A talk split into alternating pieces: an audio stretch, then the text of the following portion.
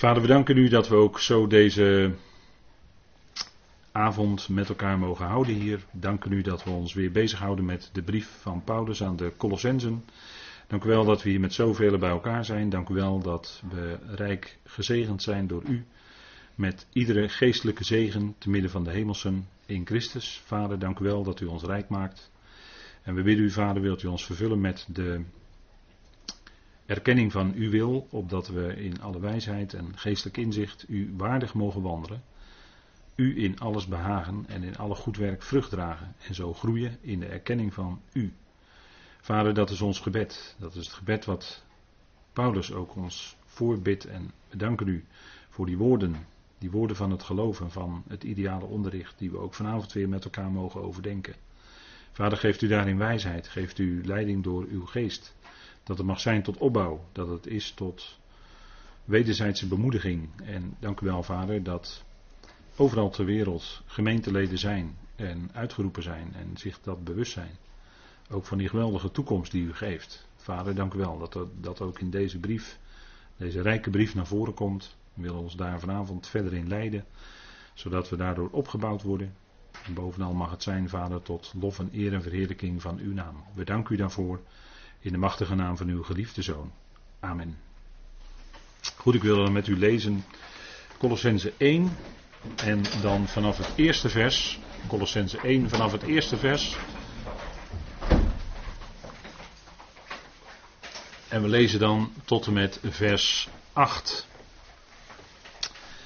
En daar schrijft Paulus, Paulus, apostel van Christus Jezus, door de wil van God, en Timotheus de broeder, aan de heilige en gelovige broeders in Christus te Kolossen. Genade voor jullie en vrede van God onze Vader en van de Heer Jezus Christus. Wij danken de God en Vader van onze Heer Jezus Christus, altijd biddend voor jullie, horend over jullie geloof in Christus Jezus en over de liefde die jullie hebben voor al de heiligen. Vanwege de verwachting voor jullie gereserveerd in de hemelen, waarover jullie tevoren hoorden in het woord van de waarheid van het Evangelie, dat aanwezig onder jullie, zoals het ook in de hele wereld is, vrucht draagt en groeit, zoals ook onder jullie. Vanaf de dag dat jullie de genade van God in waarheid hoorden en erkenden, zoals jullie het leerden van Epaphras, onze geliefde medeslaaf, die voor ons een trouwe dienaar van Christus is, die ook jullie liefde in de geest aan ons duidelijk maakt. Tot zover. En we zien dat de apostel Paulus begint met groeten en we hebben de vorige keer zijn we daar wat verkennend in gaan lezen. En we hebben wat stilgestaan bij dat eerste vers met name. En vers 2 hebben we ook met elkaar besproken. En nadruk in vers 1 is dat apostel, hè, Paulus apostel van Christus Jezus. Hij is dat door de wil van God. Hij is dat door de wil van God. En Timotheus de broeder. Iemand die een voorbeeld is, ook voor deze tijd. Hebben we met Filippenzen gezien. Een van de vier voorbeelden. Paulus als voorbeeld. Christus Jezus uiteraard, maar ook Timotheus als voorbeeld. En dan hebben we nog Epaphroditus in Filippenzen. Vier voorbeelden. Timotheus, de broeder. Iemand die zich waarachtig ook als broeder opstelde. En die ook diende in dat woord, diende in het evangelie. En Paulus zo trouw volgde dat Paulus zelfs later zijn evangelie en zijn bediening aan Timotheus doorgaf. iemand die trouw diende en trouw volgde. Een voorbeeld voor ons als gelovigen. En als we naar Timotheus kijken, we hebben vorige keer ook zijn betekenis van zijn naam gezien. Waardevol voor God of waardevol door God. Dat time dat is waardevol en God is natuurlijk Theos, de plaatser.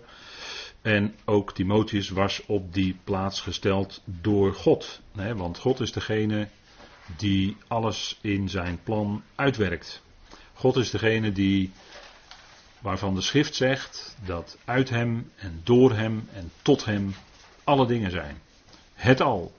Het hele plan is door hem ontworpen, begonnen. Het is uit hem, maar het is ook door hem. Dat is voor ons het punt. Hè? in ons dagelijks leven, de dingen die ons overkomen, ons leven, hoe het gaat. Het is door Hem ten diepste. Het is niet alleen uit Hem dat we geroepen zijn, geschapen zijn als mens, maar het is ook door Hem dat wij leven. En het is niet alleen die dingen die ons overkomen, de, waarvan wij zeggen de goede dingen, maar ook waarvan wij zeggen de minder goede dingen, ook dat is ten diepste door Hem. En dan is het ook, en we moeten niet vergeten, hè, want we zijn bezig allemaal op weg in dat proces, het is uiteindelijk ook tot Hem. Tot Hem. Hè, dat door Hem heeft de bedoeling om uiteindelijk ook tot Hem te komen. Dat wil zeggen, naar binnen Hem. Dus Hij zal aan het einde er zijn en Hij zal ieder schepsel in zijn armen sluiten, in zijn hart sluiten. Zo is God. En dan zullen we ook gaan zien dat dat hele plan, al wat gebeurd is in ons leven, al wat gebeurd is in degenen die ons lief zijn, dan zullen we gaan zien dat alles eh, in zijn plan paste, dat alles ook zo moest zijn, omdat hij het had ontworpen en omdat hij ook de uitkomst al zag. En die zien wij nog niet altijd. Hè. God heeft ons geen kalme reis beloofd, hè. dat is zo'n tegeltjeswijsheid maar wel een behouden aankomst. Dat is ook zo, want soms gaan de golven hoog en soms gaat het heel diep in ons leven. En dan is het moeilijk en dan is toch Hij degene die ons draagt. Het is ook door Hem. Het zijn Zijn liefdevolle handen die ons dragen dag aan dag. Paulus was apostel door de wil van God. Bij aanvang van zijn leven was al bepaald dat hij later apostel zou worden. Ook al moest hij eerst nog door die, die hele gang maken, door dat judaïsme, door dat jodendom enzovoort, hè, met alles wat hij bereikt als fariseer enzovoort. Maar God had van tevoren al zijn hele levensloop bepaald. En dat geldt niet alleen voor Paulus, maar dat geldt ook voor ons. En dat geldt voor u, voor mij. Tevoren had God al de dagen die wij zouden leven al vastgelegd. En de prediker zegt in zijn wijsheid: Er is een tijd om te, en vul het maar in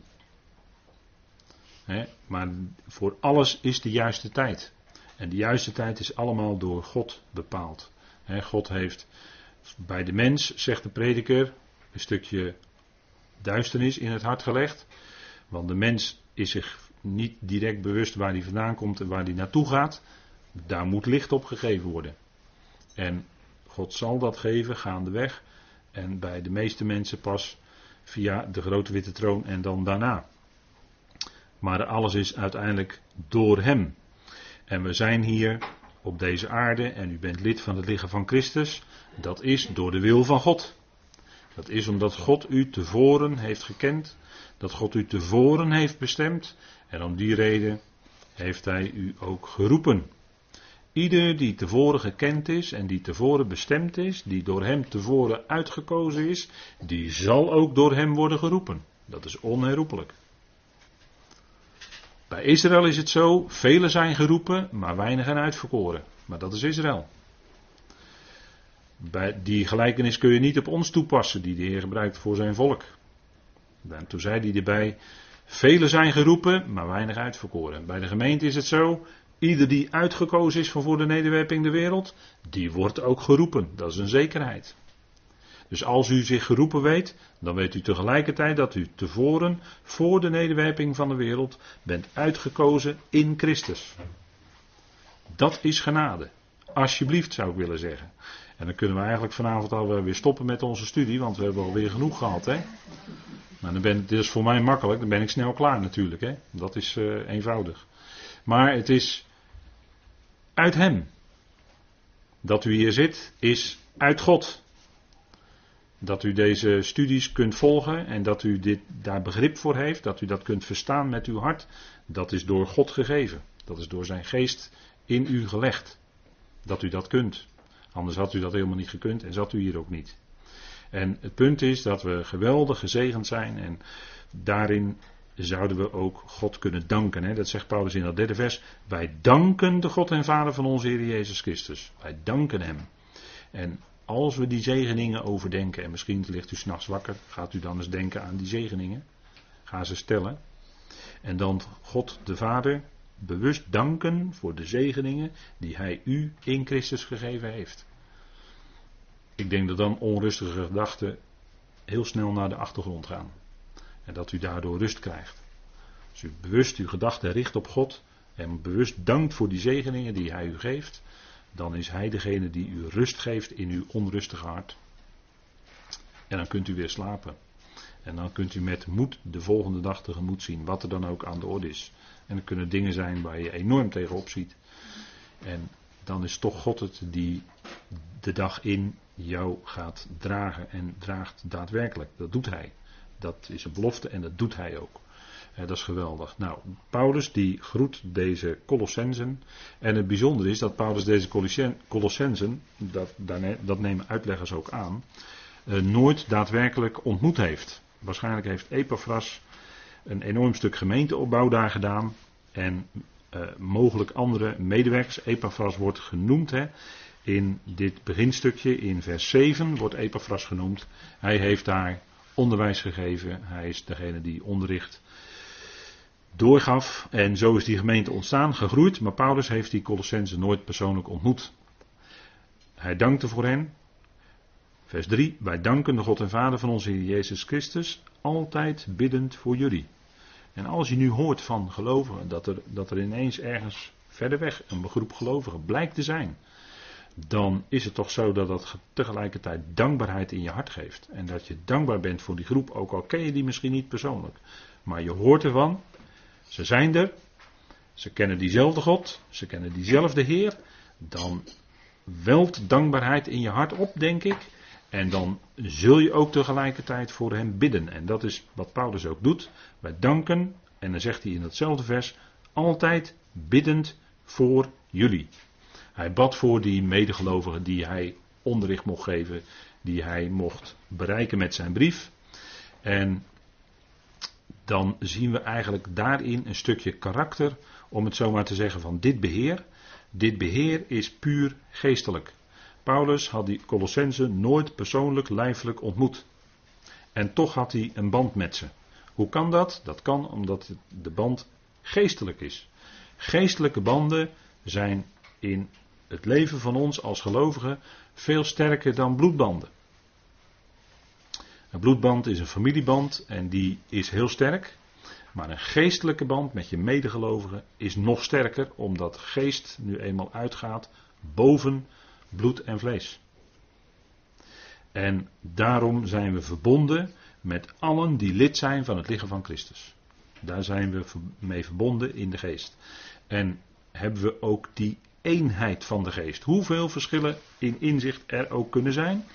Maar die eenheid van de geest die is er en die zouden wij bewaren met de band van de vrede, zegt Paulus. Dat is het punt, hè. Het is niet altijd direct zo dat we allemaal hetzelfde zeggen. Maar naarmate je dieper komt in het woord, zal dat toch gaan toenemen, denk ik. Maar ondanks verschillen van inzicht die er kunnen zijn, ben je toch één met ieder lid van het lichaam van Christus. En kun je je over verheugen als je elkaar ontmoet, als je met elkaar die verbondenheid weet, dan bid je ook voor elkaar. En dat is wat Paulus ook ons toebidt en toewenst. Hè. Dat staat op de drempel van elke brief. En dat zien we hier op deze dia, heb ik het ook gezet. Genade voor jullie. Daar opent hij de brief mee. Daar hebben we de vorige keer ook al even bij stilgestaan. Maar ik wil er nog een keer bij stilstaan, omdat het een hoofdonderwerp is van zijn evangelie. Genade voor jullie. En het geweldige is dat wij staan in genade. Dat zegt Romeinen 5. Hè? Nou, laten we hem dan even met elkaar opzoeken, want Gods woord zelf, laten klinken, is altijd het beste. Romeinen 5.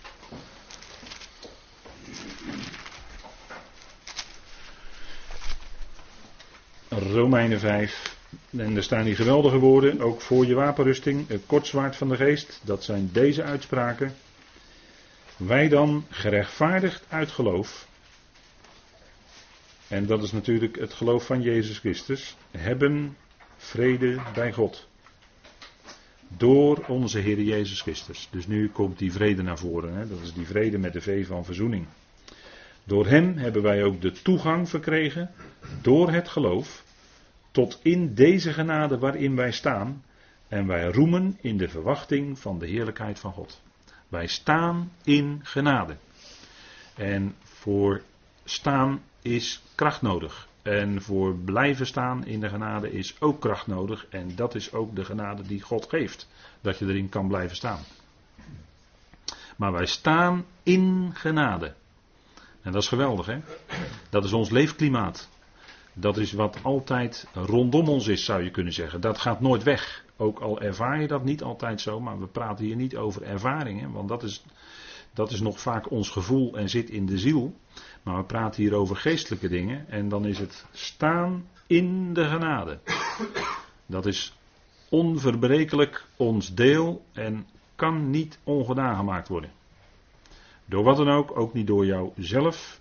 Het kan niet ongedaan gemaakt worden, want u en ik, we zijn verzegeld met Heilige Geest van de belofte. En niemand is in staat om dat zegel te verbreken. Ook wij zelf niet. Ik zeg er maar even bij voor alle duidelijkheid, hè, dat er geen twijfel over kan zijn. Want dat is die zekerheid die de genade geeft. Als het zou gaan om dat jij moet volharden tot het einde, dan geeft dat onzekerheid. Want stel je voor dat je op de laatste dag niet volhardt. Dan ben je er niet. Maar het evangelie van Paulus geeft ons aan dat we in genade staan en dat blijft zo tot en met de dag van de vrijkoping, de bazuin. Dat kan niet ongedaan gemaakt worden. Dat is zekerheid. Daarin kun je dus staan. Dat is vaste grond onder je voeten. Staan in de genade. Wat is dat geweldig, hè? Wat is dat geweldig. Daar kun je God dagelijks voor danken. dat, en, en als je gaat proberen toch die wet te houden, dan zegt Paulus, dan val je voor de praktijk van je leven, voor de praktijk van je leven, uit de genade, zegt hij in Galaten 5. Daar waren die gelaten mee bezig. Ze gingen onder de wet leven, ze gingen weer zich houden aan geboden en verboden en weet ik wat allemaal. En daarmee vielen ze voor de praktijk van hun leven uit de genade. En we zouden blijven bij de genade, want dat is ons evangelie. Dat is het evangelie wat de apostel Paulus bracht. We staan in genade. Dat is, ons, dat is onze praktijk van ons leven. En dat is ook, en genade is ook, zoals Paulus zich gedroeg, en dat kunnen we ook, u ziet het op de dia staan, 2 Korinthe 1 vers 12. 2 Korinthe 1 vers 12, dat is ook genade. Dat is ook wat hij geeft. En in Romeinen 5 vers 2 gaat het om roemen. En in deze tekst gaat het ook om roemen. Want daar staat, want dit is onze roem. 2 Korinthe 1 vers 12. Het getuigenis van ons geweten. Dat wij ons in de heiligheid en oprechtheid van God. Niet in vleeselijke wijsheid. Maar in de genade van God gedragen hebben. In de wereld en in het bijzonder ten opzichte van jullie. Dus zo, heeft, zo kon Paulus getuigen. Hij stond in heiligheid en oprechtheid voor God. En Paulus was niet bezig zichzelf te heiligen. Hij was al apart gezet. En dat zijn u en ik ook. Wij zijn heiligen. Dat waren de voorwerpen in de tabernakel en de tempel ook. Die waren heilig. Namelijk apart gezet voor de dienst aan God. Dat is de betekenis van heilig. En in die heiligheid wandelde Paulus. Hij wandelde in oprechtheid van God, zegt hij. Niet in vleeselijke wijsheid. Dat is namelijk als je je weer onder de wet gaat stellen. Want dat deden die Corinthiërs ook. Maar hij zegt daar tegenover, maar, tegenstelling, in de genade van God. Dus die vleeselijke wijsheid staat hier tegenover de genade van God. Als je geestelijke wijsheid toepast, dan leef je en dan werk je in en uit genade. Paulus eh, zei dat ook in de eerste brief, in het laatste hoofdstuk, zei hij, ik heb meer gearbeid dan, niet, dan zij allen. Ik heb meer gearbeid dan zij allen. En dan zegt hij, ja, maar niet ik, maar de genade van God die met mij is. Daar, daar berustte hij in, daar vertrouwde hij op. Dat gaf hem kracht en energie om verder te gaan. Dat is ook geestelijke wijsheid als je zo leeft want we zouden uh, geestelijke dingen met geestelijke woorden aan geestelijke mensen aan, uh, doen aanpassen. Met geestelijke woorden kun je geestelijke mensen aanpassen. En dat, dat, daar ligt het probleem bij die Corinthiërs. En het punt is dat, we, uh, dat die boodschap van de genade volle kracht heeft. Vandaag, niet alleen op het moment van je redding, maar ook voor je dagelijkse levenswandel. Ook daarvoor is die genade van God. Dat je kunt leven op God gericht. Dat je kunt leven tot Gods eer. dat is die genade zoals die doorwerkt in ons leven. Dat is geestelijke wijsheid hebben. Betekent dat je je houdt aan de lijnen van het evangelie zoals Paulus dat brengt. Nou, genade dat is iets voor verleden, heden en toekomst. Dan zegt u, hé hey, wacht even. Uh, ik heb wel geleerd dat genade voor het verleden is. Uh, toen ik gered werd, werd ik me iets bewust van de genade van God. En voor nu, daar hoor ik ook het nodige. En voor de toekomst, ja, hoe zit dat eigenlijk? Genade voor verleden, heden en toekomst. Het is eigenlijk, zou je kunnen zeggen, vanuit God is het altijd al dat principe geweest. Alleen later ging hij dat onthullen in de tijd, hè, hoe dat zit. En als we nu kijken, en als ik nu aan u vraag van, eh, kunt u daar iets over zeggen, van genade van het verleden, zoals voordat ik op deze aarde kwam, wie kan daar dan iets over zeggen? Wie weet daar iets uit de schrift over te zeggen? Genade in het verleden.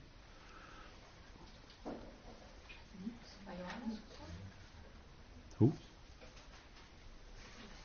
Genade bij Johannes? Johannes Jant, de moederschoot toch? Dat hij dat al, uh, dat Christus toch zei van ik heb hem al... Uh... Dat Paulus van de moederschoot afgeroepen was? Nee, van Johannes toch? Van dat hij, uh, toen de moeder zwanger was, dat hij toch zei ik heb hem al uitgekoren in de moederschoot. Over de Heer, de Heer Jezus. Of over Johannes de Doper. Ja, Johannes de Doper. Ja, die was ook al toen al, voordat hij geboren werd, was hij al uitgekozen in feite. Ja. En als het gaat om ons als gemeenteleden. Geroepen voor de nederwerping van de wereld, toch? Ja, uitgekozen voor de nederwerping, ja, oké. Okay. Wie, wie kan er nog misschien iets over zeggen? Wat? Gered en geroepen in genade voor de eonen. Ja, gered en geroepen in genade voor de eonische tijden. Hè? En voor het heden, voor nu, als u nu zegt van hé, hey, voor wat, wat, wat is nu voor nu? Wat kunt u daarvoor? Je daden. Ja, je daden, wat je doet. Van, maar dan de genade, dat je, hoe je nu leeft.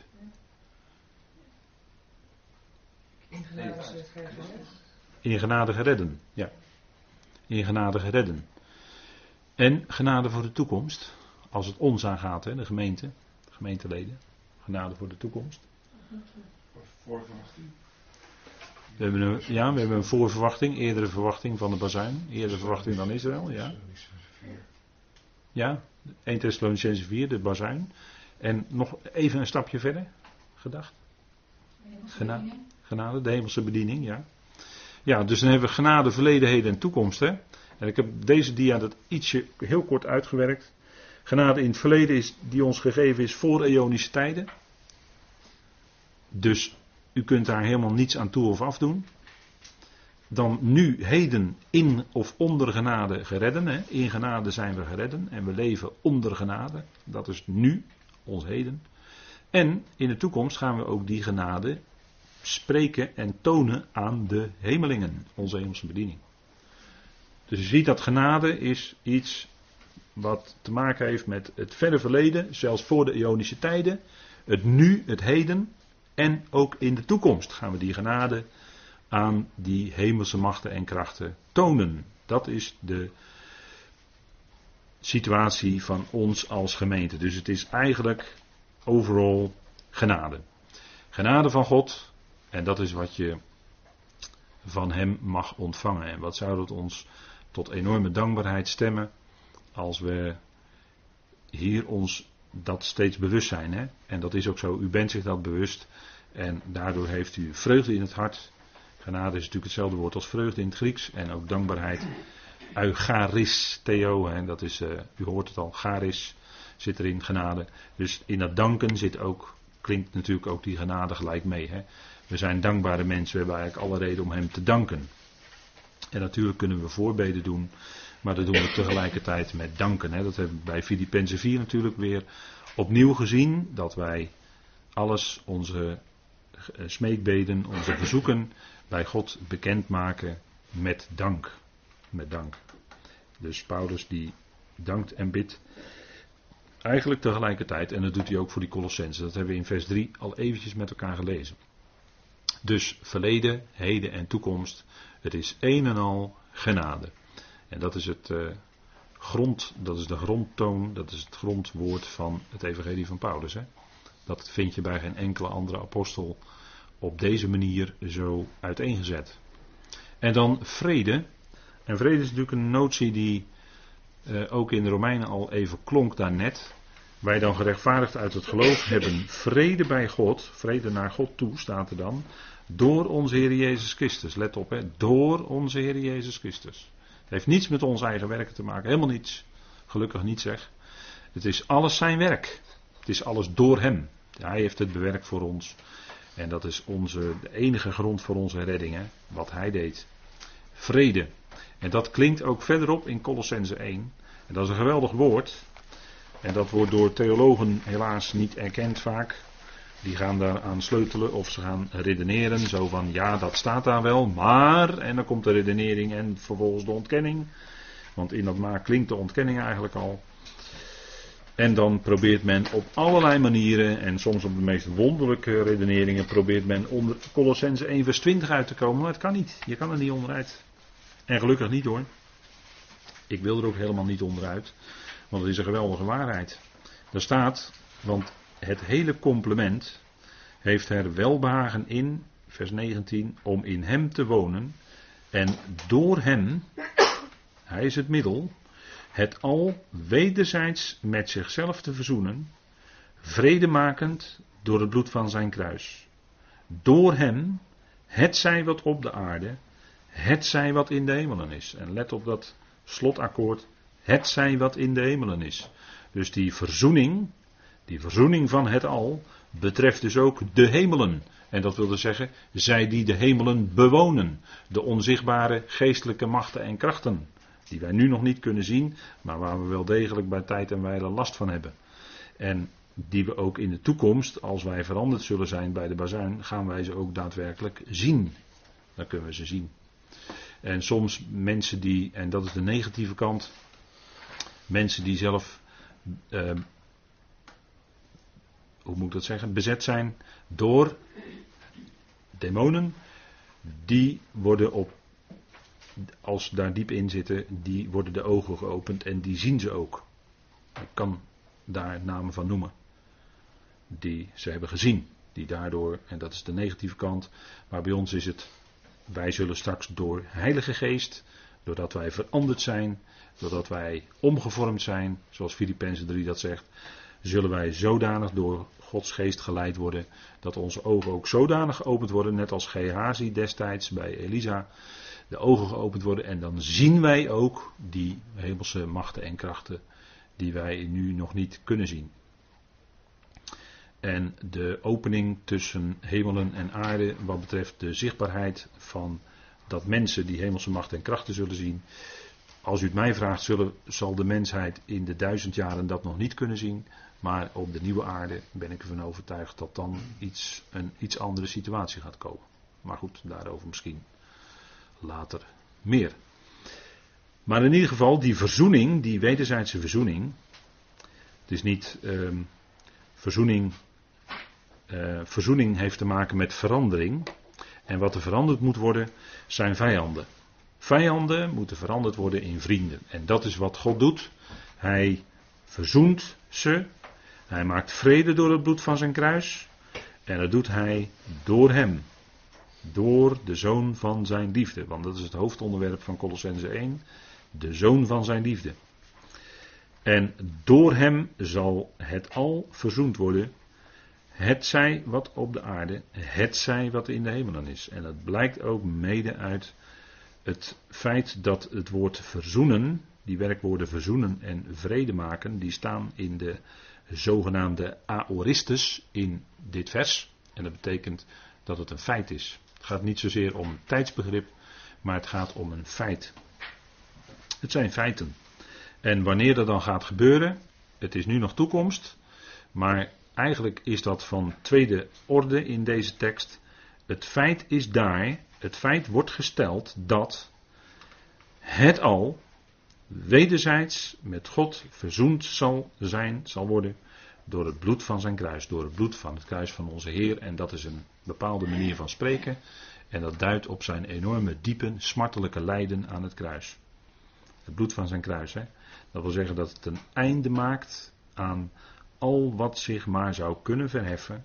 Het maakt een einde aan alle menselijke trots. Het bloed van zijn kruis wil zeggen dat niets, maar dan ook helemaal niets, dat tegen kan houden. Niets kan ook stand houden tegen die liefde van God. Maar alles en iedereen zal erdoor overwonnen worden. En God zal alles en iedereen daardoor ook veranderen uiteindelijk. Want dat is het grondwoord van verzoenen. Dat heeft te maken met veranderen. En ook die hemelse machten en krachten, niet alleen wat op de aarde, maar ook wat in de hemelen is. En daar komt ook de bediening van de gemeente. Wat in de hemelen is, dat is de bediening van de gemeente. Die zullen ook wederzijds met God verzoend zijn. En dat is een geweldige uitzicht wat de schepping heeft. Hè? En dat mogen wij nu al weten. Dat mogen wij nu al weten. En wat is het geweldig als je dat kan doorgeven, of misschien iets daarvan kan doorgeven aan iemand anders. En daar kan ineens een stukje lichtstraal in het leven, kan dat geven. dat is geweldig. En dat, eh, dat hoor je dan soms in een gesprek, dat iemand helemaal in diepe duisternis zit en helemaal aan de grond zit. En dan hoort, God is de redder van alle mensen. Wacht even. Alle mensen? Dan hoor ik daar dus ook bij. En dan, begint, dan begon het licht te stralen in dat hart.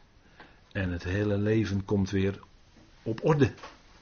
En God haalt iemand uit diepe duisternis. Doordat hij dat woord hoort, doordat hij dat evangelie hoort.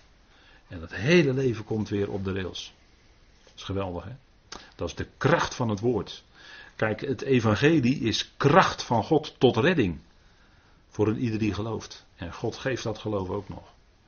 Maar het evangelie, het goede nieuws, dat is kracht van God. Wat levens van mensen verandert. Dat is dat geweldig, hè? Als je dan daarvan iets kan doorgeven. En misschien dat eerste lichtstraaltje in een mensenleven, in een mensenhart kan brengen. Hè, dat, als God jou daarvoor gebruikt. Zou geweldig zijn. En dat is wat hij doet, hè? Goed, dan gaan we weer verder met onze studie. En dat doen we aan de hand van deze volgende dia.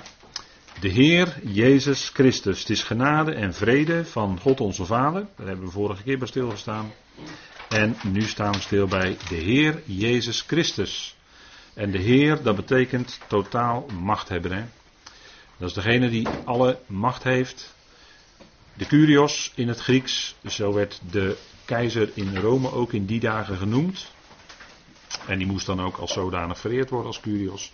Maar de Heer is totaal machthebber. En hij heeft het voor het zeggen. Bij, het is, uh, als wij het hebben over onze zegeningen, dan zijn onze zegeningen in Christus, zeggen we dan. Dat zijn zegeningen die we sowieso hebben. Dat is ons deel. Onvervreemdbaar, ons eigendom.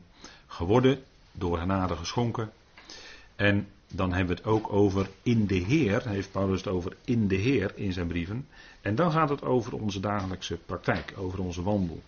als Paulus het heeft over in de Heer, dan gaat het om aanwijzingen voor ons gedrag. En let op, dat, zijn natuurlijk geen nieuwe, dat is geen nieuwe wet bij Paulus. Paulus gaat niet natuurlijk opnieuw, net als een Mozes, de wet opleggen. Maar hij geeft aanwijzingen. Vanuit de genade geeft hij aanwijzingen voor onze wandel. Als je bijvoorbeeld kijkt in Efeze 4, vers 1, dan zegt hij, nadat hij drie hoofdstukken lang onderricht heeft gegeven, ik spreek jullie dan aan, ik, de gebondene, in de Heer. En dan hoort u het al, in de Heer, dan is het niet meer in Christus, en dan gaat het over ons gedrag. En dan zegt hij ook direct, waardig te wandelen vanwege de roeping waarmee jullie werden geroepen. Dus die hoge roeping, die zou ons leiden in een waardige wandel. een wandel die past bij ons als gelovigen. En dat gaat met alle ootmoedige gezindheid en zachtmoedigheid, met geduld, elkaar verdragend in de liefde. En je beijveren de eenheid van de geest te bewaren in de band van de vrede. Nou, dat is voor onze praktijk. Als het gaat om gelovigen onderling, als het gaat om ons gedrag met elkaar en onder elkaar, dan zouden we wandelen in ootmoedige gezindheid, dat wil zeggen laag en niet hoog, en de ander uitnemender achten dan jezelf. Of elkaar superieur achten aan jezelf. Maar daar hebben we over stilgestaan in Filippenzen 2.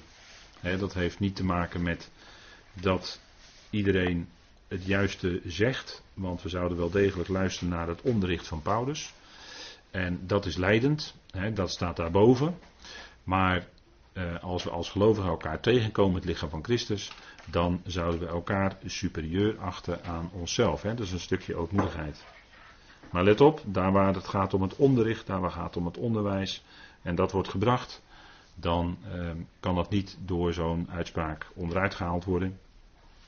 Want dan kun je niets meer tegen elkaar zeggen. Het gaat erom dat we luisteren naar die woorden van de apostel Paulus. Dat is ons onderricht, dat is de waarheid voor vandaag en dat blijft de waarheid. dat, eh, dat, daar kun je niet aan tornen, tornen, daar kun je niet mee marchanderen. Maar het gaat om puur onze persoonlijke verhoudingen onder elkaar. Daarin achten wij elkaar superieur aan onszelf. En verder geeft God gaven in de gemeente, evangelisten, herders en leraars. En die zijn daar als gaven niet voor niets gegeven. Dat staat ook in de Aorist. God geeft in de gemeente evangelisten, herders en leraars. Ik denk dat dat duidelijk mag zijn. De Heer, we wandelen in de Heer en als het gaat om onze wandel, dan is dat een wandel in ootmoedigheid. De Heer bepaalt, Hij is het hoofd van het lichaam, Hij is de Heer, Hij bepaalt wat in het lichaam gebeurt, Hij geeft ook voedsel tot groei, Hij geeft ook die groei, God geeft de groei, Hij geeft ook dat geloof, God geeft de mate van het geloof. Het is de Heer die het bepaalt. Wij bepalen dat niet zelf, Hij bepaalt dat. En hij roept en hij zet ook op plaatsen waar hij dat wil. In die tijd was dat bijvoorbeeld in Efeze was daar een gemeente, in Colosse was daar een plaatselijke groep, in Laodicea was daar een groep, in Filippi ontstond een gemeente. Dat bepaalde de Heer allemaal in die tijd. En zo is het ook vandaag de dag, waar groepen gelovigen zijn, dat bepaalt de Heer, dat bepalen wij niet, dat bepaalt de Heer. Hij werkt dat uit. Hij is de Curios. En we zouden ootmoedig onze knieën buigen voor Hem onze Heer, die onze redder is en die ons lief heeft. En hij bepaalt ook de weg die wij gaan. hoe moeilijk de weg ook kan zijn, maar hij is daarin altijd nabij. We, de, de weg gaan die de Heer ons wijst, dat is de beste weg. En die weg mogen we gaan, kunnen we gaan. Hij, hij zet ons in die omstandigheden, in die plaats waar we zijn. Dat is wat de Heer doet.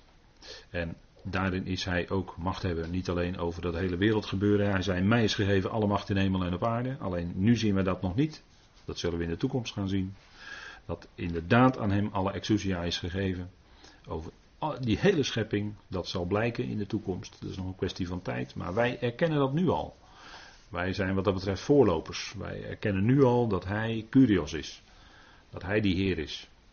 En hij is ook niet alleen de Heer, maar hij is ook onze redder. Hè? Het is de Heer Jezus Christus. En de naam Jezus die spreken met heel veel diep, diep respect uit. En als u, uh, ja, we zouden eigenlijk, als u het mij vraagt, zou je eigenlijk het beste minimaal over de Heer Jezus spreken. En niet alleen Jezus als losse naam gebruiken. Dat hoor je nog wel eens onder gelovigen, maar ik heb er altijd een beetje moeite mee. Ik spreek veel liever over de Heer Jezus, want Hij staat boven mij. Hij is mijn redder. Maar uh, het is niet zo dat ik makkelijk over hem kan spreken, net zoals ik over uh, Jan Piet of Klaas of uh, Marietje spreek. Hij is de Heer Jezus Christus. De Heer Jezus. En hij is, voor ons is hij verheerlijkt aan Gods rechterhand en wij herkennen hem als Christus Jezus. Paulus gebruikt die uitdrukking vaak. Christus Jezus om aan te duiden dat zijn verheerlijking een feit is en dat hij nu aan de rechterhand van de Vader is. Maar Jezus is, zoals u weet, Yahweh, redder. Hè? Dat is die samengestelde naam. En de vergrieksing daarvan is Jezus. Maar de naam vanuit het Hebreeuws is Jehoshua. En dat betekent Yahweh is redder. En dat is wat de Heer kwam doen. Hij kwam om te redden. En u weet, die missie slaagt. Dat is uh, geen twijfel mogelijk. Hij kwam om te redden en dat doet hij ook. Dat doet hij ook.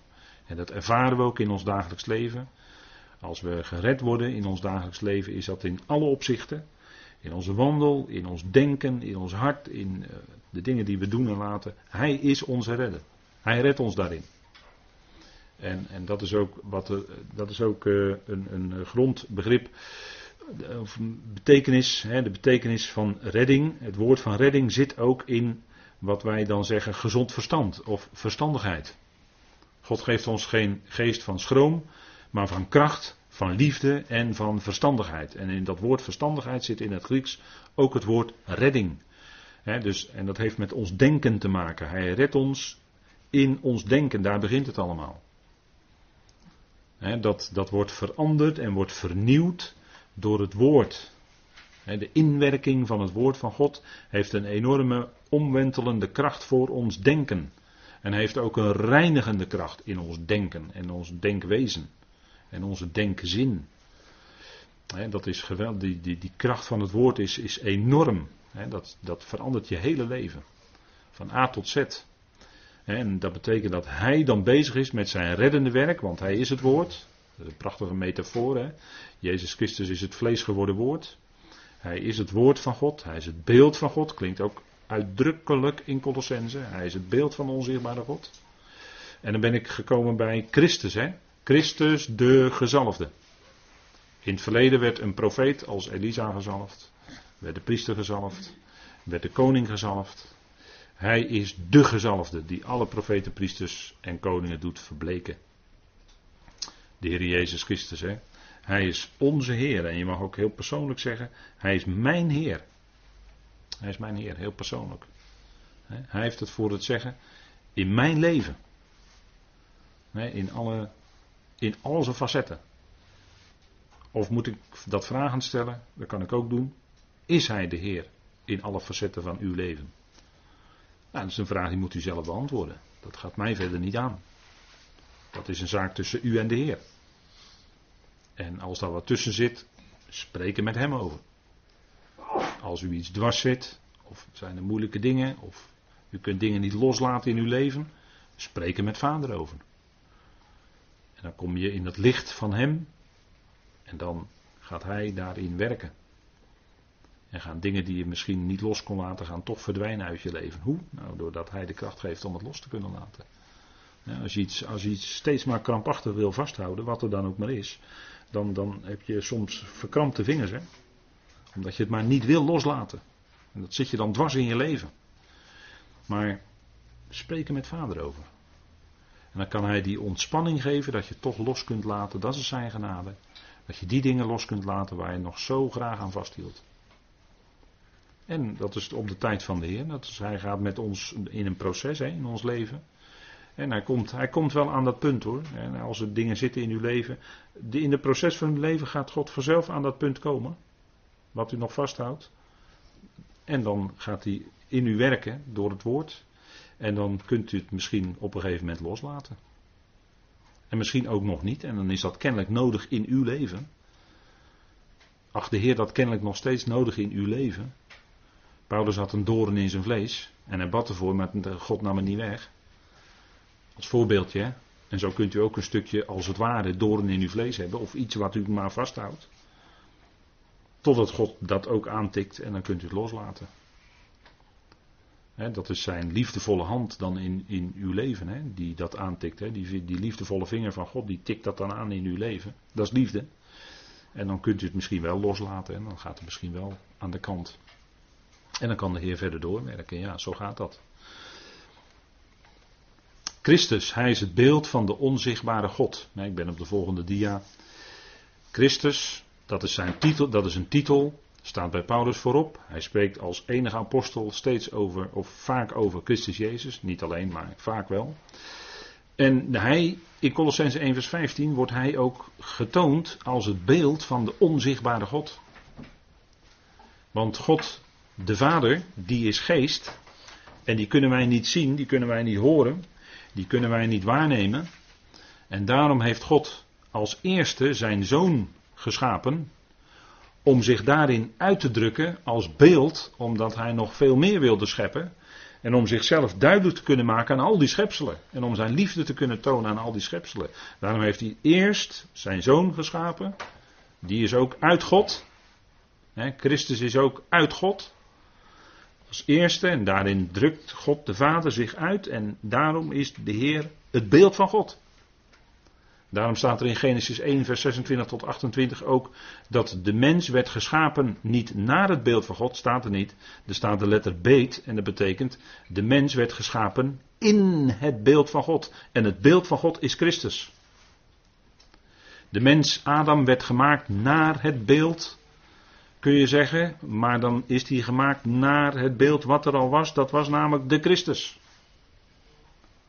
De zoon spreekt Colossense 1 dan over. Hè? De zoon van zijn liefde. En God ging alles scheppen in die zoon van zijn liefde. Ook de mens dus. En daarom lijkt de mens, dat is ook de grondbetekenis van het Hebreeuwse woord Adam, dat betekent gelijkend op. Dus degene die geschapen werd, gelijkend op degene die er al was, namelijk Christus. En daarom staat er in Genesis 1, vers 26 dat, hij, dat Adam werd geschapen in het beeld van God. Dus de mens, zoals het in kerken verkondigd wordt, is niet beelddrager Gods. Wel nee, Christus is beelddrager Gods. En de mens is in hem geschapen. Zo is het. En hij is de eerstgeborene van heel de schepping. Dat leest u nergens anders in de schrift. Een beetje nog in Openbaring 1 zeg ik aanvullend.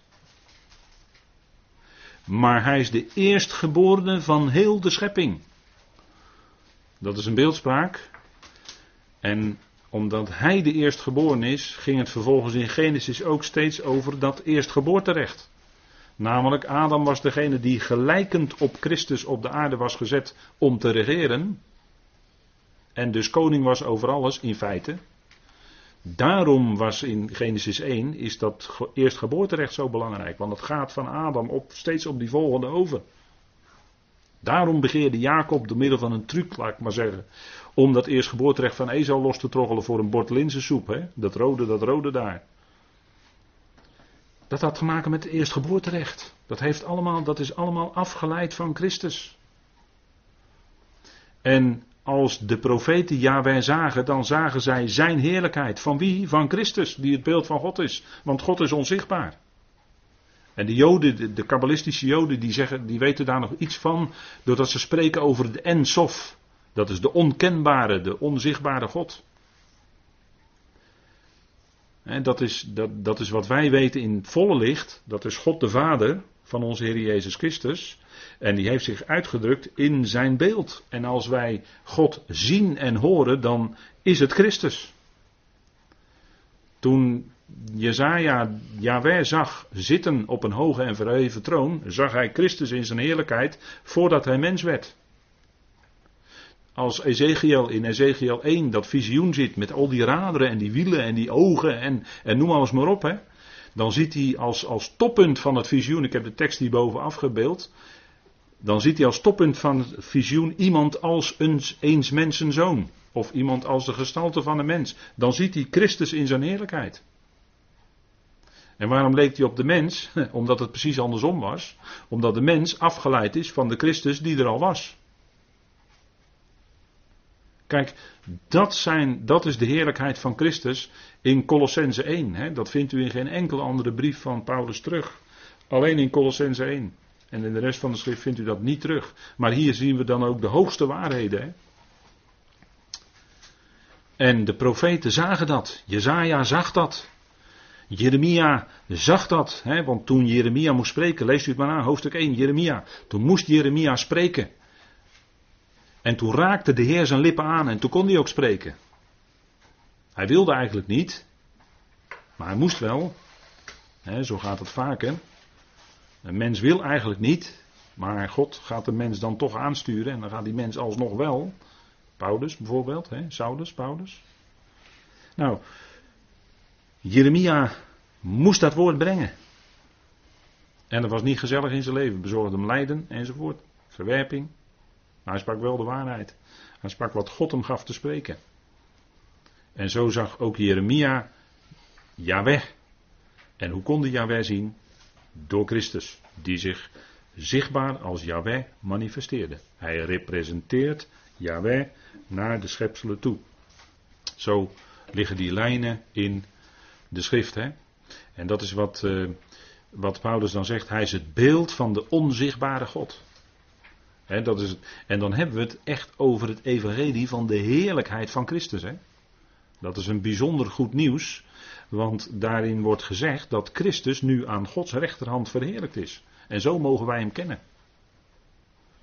En, en heel veel, of veel gelovigen zien hem nog vaak als Jezus die op aarde rondwandelde en geweldig goede dingen. Hij deed geweldig goede dingen. Hij genas mensen en eh, er, was, er had nog nooit iemand gesproken zoals hij sprak op aarde. Maar het is doorgegaan. Hij is doorgegaan met spreken. Via Paulus onder andere. En vooral in deze tijd via Paulus. Dus hij spreekt nog steeds. Hè. Paulus kreeg het door openbaring van Jezus Christus. Die woorden aangereikt en die gaf hij door en die spreken wij na. Dat is van de verheerlijkte Heer nu. want wij kennen Christus niet langer naar het vlees, zegt Paulus in 2 Korinthe 5. Zeg ik niet, zegt Paulus in 2 Korinthe 5. We zijn in Christus een nieuwe schepping en daarom kennen wij hem niet langer naar het vlees omdat hij nu veel hogere heerlijkheid heeft dan dat hij toen op aarde had. En toen op aarde was toen nodig, was nodig die bediening. Hij moest aan het kruis gaan enzovoort. Maar nu is hij verheerlijkt aan Gods rechterhand. En dat is het evangelie wat vandaag zou klinken. en dat is wat in Colossense 1 ook zo duidelijk naar voren komt. Hij is de eerstgeborene van heel de schepping. Nou, dan hebben we twee geweldige heerlijkheden van de Zoon van God hebben besproken. En dat zou ons tot diepe, diepe ootmoed moeten leiden. Om als we zo'n Heer, als we die mogen kennen. Hij is, niet, hij is uh, niet zomaar iemand. Nee, hij staat bovenaan. onder God de Vader is hij de hoogste van alles. Alle, hij is het hoofd van alle overheid en macht. over die Heer hebben we het dan. die straks de hele zaak hier op aarde op orde, uh, zaak, orde op zaken gaat stellen. En dat is hard nodig ook. Maar dat zal gaan gebeuren en dat zal hij dan ook in liefde doen. En, en hij kijkt met ogen van liefde naar u, want hij ziet naar u uit. Hij ziet ook uit naar dat moment van de bazuin. Want het, wonderlijke is dat het lichaam van Christus wordt genoemd zijn complement. Dus wij als leden van het lichaam van Christus, als hele lichaam van Christus, maken hem compleet, notabene. Hoe is het mogelijk, hè? Wat een enorme genade, wat een enorme heerlijkheid. Dat is waar we bij mogen horen. Hè? Dat is iets geweldigs. Nou, ik denk dat we daar eh, met elkaar in de pauze wel even over kunnen napraten en doorpraten. Laten we maar even een bak koffie gaan doen.